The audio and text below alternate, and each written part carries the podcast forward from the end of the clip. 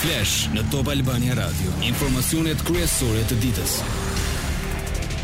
Po ndiqni përmbledhjen e orës 16 unë jam Ani Bame. Në Komisionin e Ligjeve Altin Dumani paralajmëroi arrestime të bujshme. Kreu i SPAK-ut raportoi lidhur me punën e institucionit që drejton për vitin e kaluar.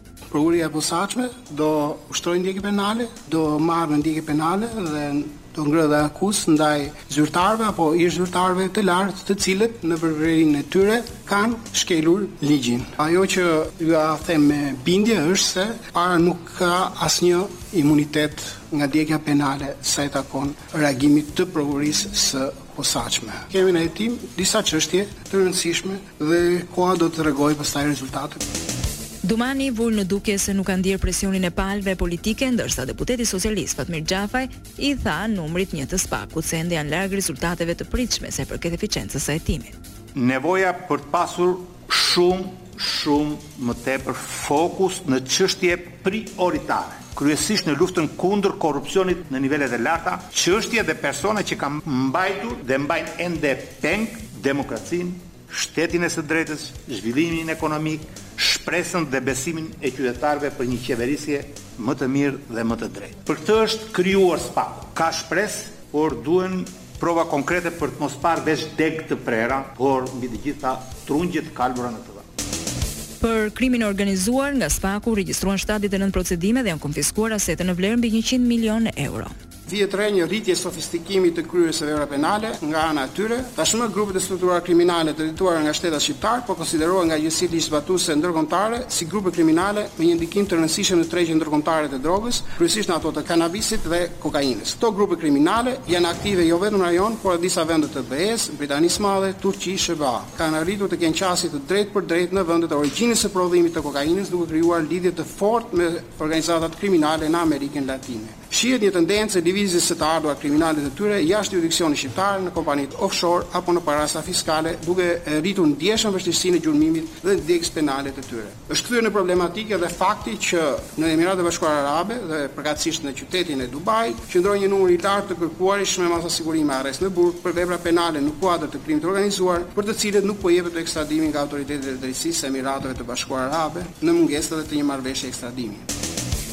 Sa u përket hetimeve lidhur me korrupsionin në vendoret e katërmbëdhjetë majit, Dumani deklaroi se nën hetim janë njëzet procedime penale.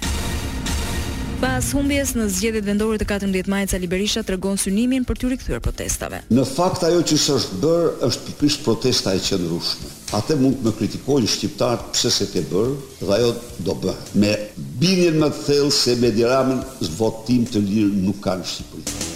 Berisha thotë se vazhdon mbledhja e provave për të faktuar atë që e quan maskaratë zgjedhore. Vrasësi famëkeq i grave Dan Hutra, ishte punësuar në ujësjellësin e Kamzës që në tetor të vitit dy mijë e njëzet e dy në këmbim të mbledhjes votave për Rakip Sulin. Për Berishën humbja më katërmbëdhjetë maj nuk është arsye për të ndërprerë bashkëpunimin me Ilir Metën. Montimi i turpshëm i Edi Ramës ndaj Bejlerit ishte gjëja më kriminale në këtë mes. Të marrësh ti zërat që i rregullon Ardi Veliu simas qejfit, tani ka teknika, ka aparate. Kjo ka marrë fund kjo teknikë, nuk e ha kush atë, unë jo njëherë. Lajmet në internet në adresën www.topalbaniaradio.com. Një grup trafikantësh të qenieve njerëzore patën shkëmbim zjarri me policinë në kufirin Shqipëri-Kosovë, në pranga ranë pesë sirianë dhe një algjerian, ndërsa një algjerian tjetër u arratis në kuadër të operacionit të koduar Strukturimi vijon puna për kapjen e tij. Lokalizimi i trafikantëve u bë në Morinë. Grupi i strukturuar kriminal organizonte dhe drejtonte një rrjet të trafikut ndërkombëtar të emigrantëve nga Greqia për në Shqipëri, Kosovë, dhe Serbi me destinacion final shtetet e BE-së. Tritoli që shpërtheu mbrëmë pranë një fasonerie në zonën e Freskut në Tiranë mund të ketë lidhje me konkurrencën. Nga shpërthimi nuk pati të lënduar vetëm dëme materiale. Kamerat e sigurisë fiksuan një person me biçikletë i maskuar me skafandër dhe që vendos eksplozivin. Pronarit të fasonerisë, shtetas italian, i cili prej tetë vitesh ushtron aktivitetin në Shqipëri dhe edhe më pesë maj iu vu lëndë plasëse, por nuk shpërtheu. Në vijim të mega operacionit policor antikanabis Alpe të pastra, blutë e Shkodrës asgjësojnë 1437 fidanë kanabis, dy persona nga fshatrat Limsh dhe Vilzë ranë në pranga. Dy shtetas të tjerë, një burrë dhe djali i tij u shpallën në kërkim. Në njësitë administrative, Pult dhe Postribë, shërbimet e policisë kontrolluan 191 zona malore dhe të tjera me risk.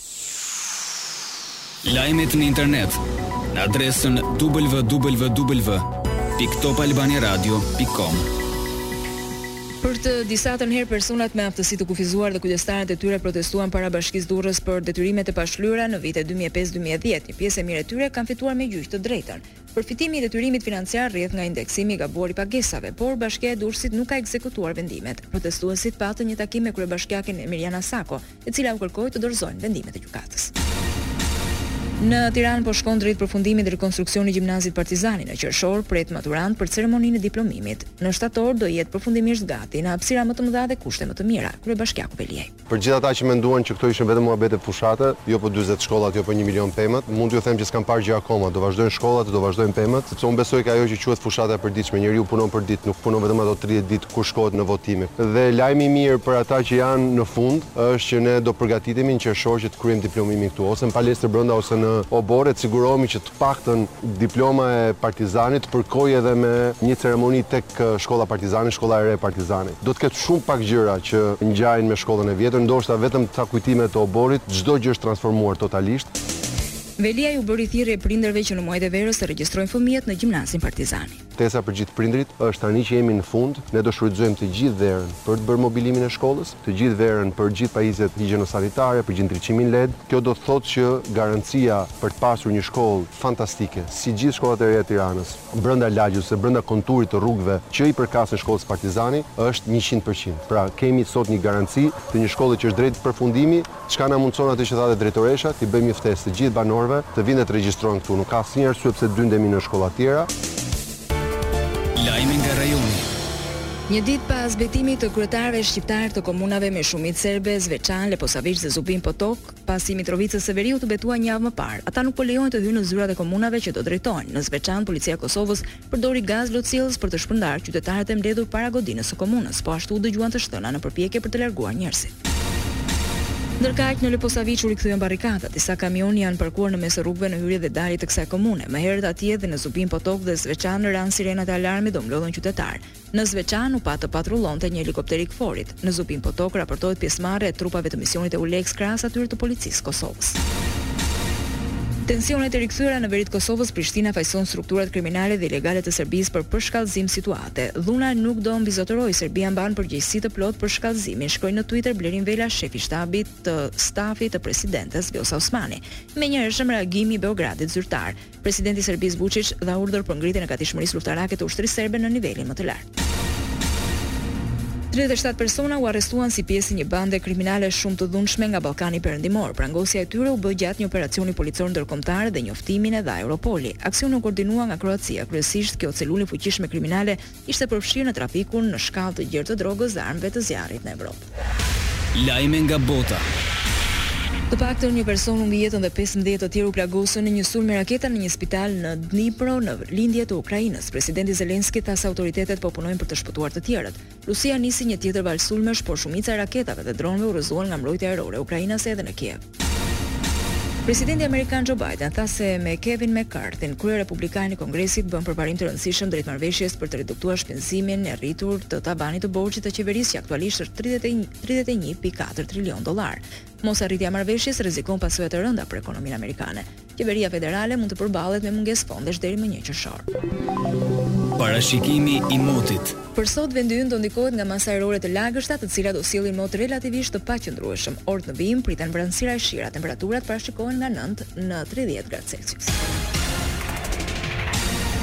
Këtu kemi përfunduar edicioni i radhës është në orën 17. Kjo është Top Albania Radio.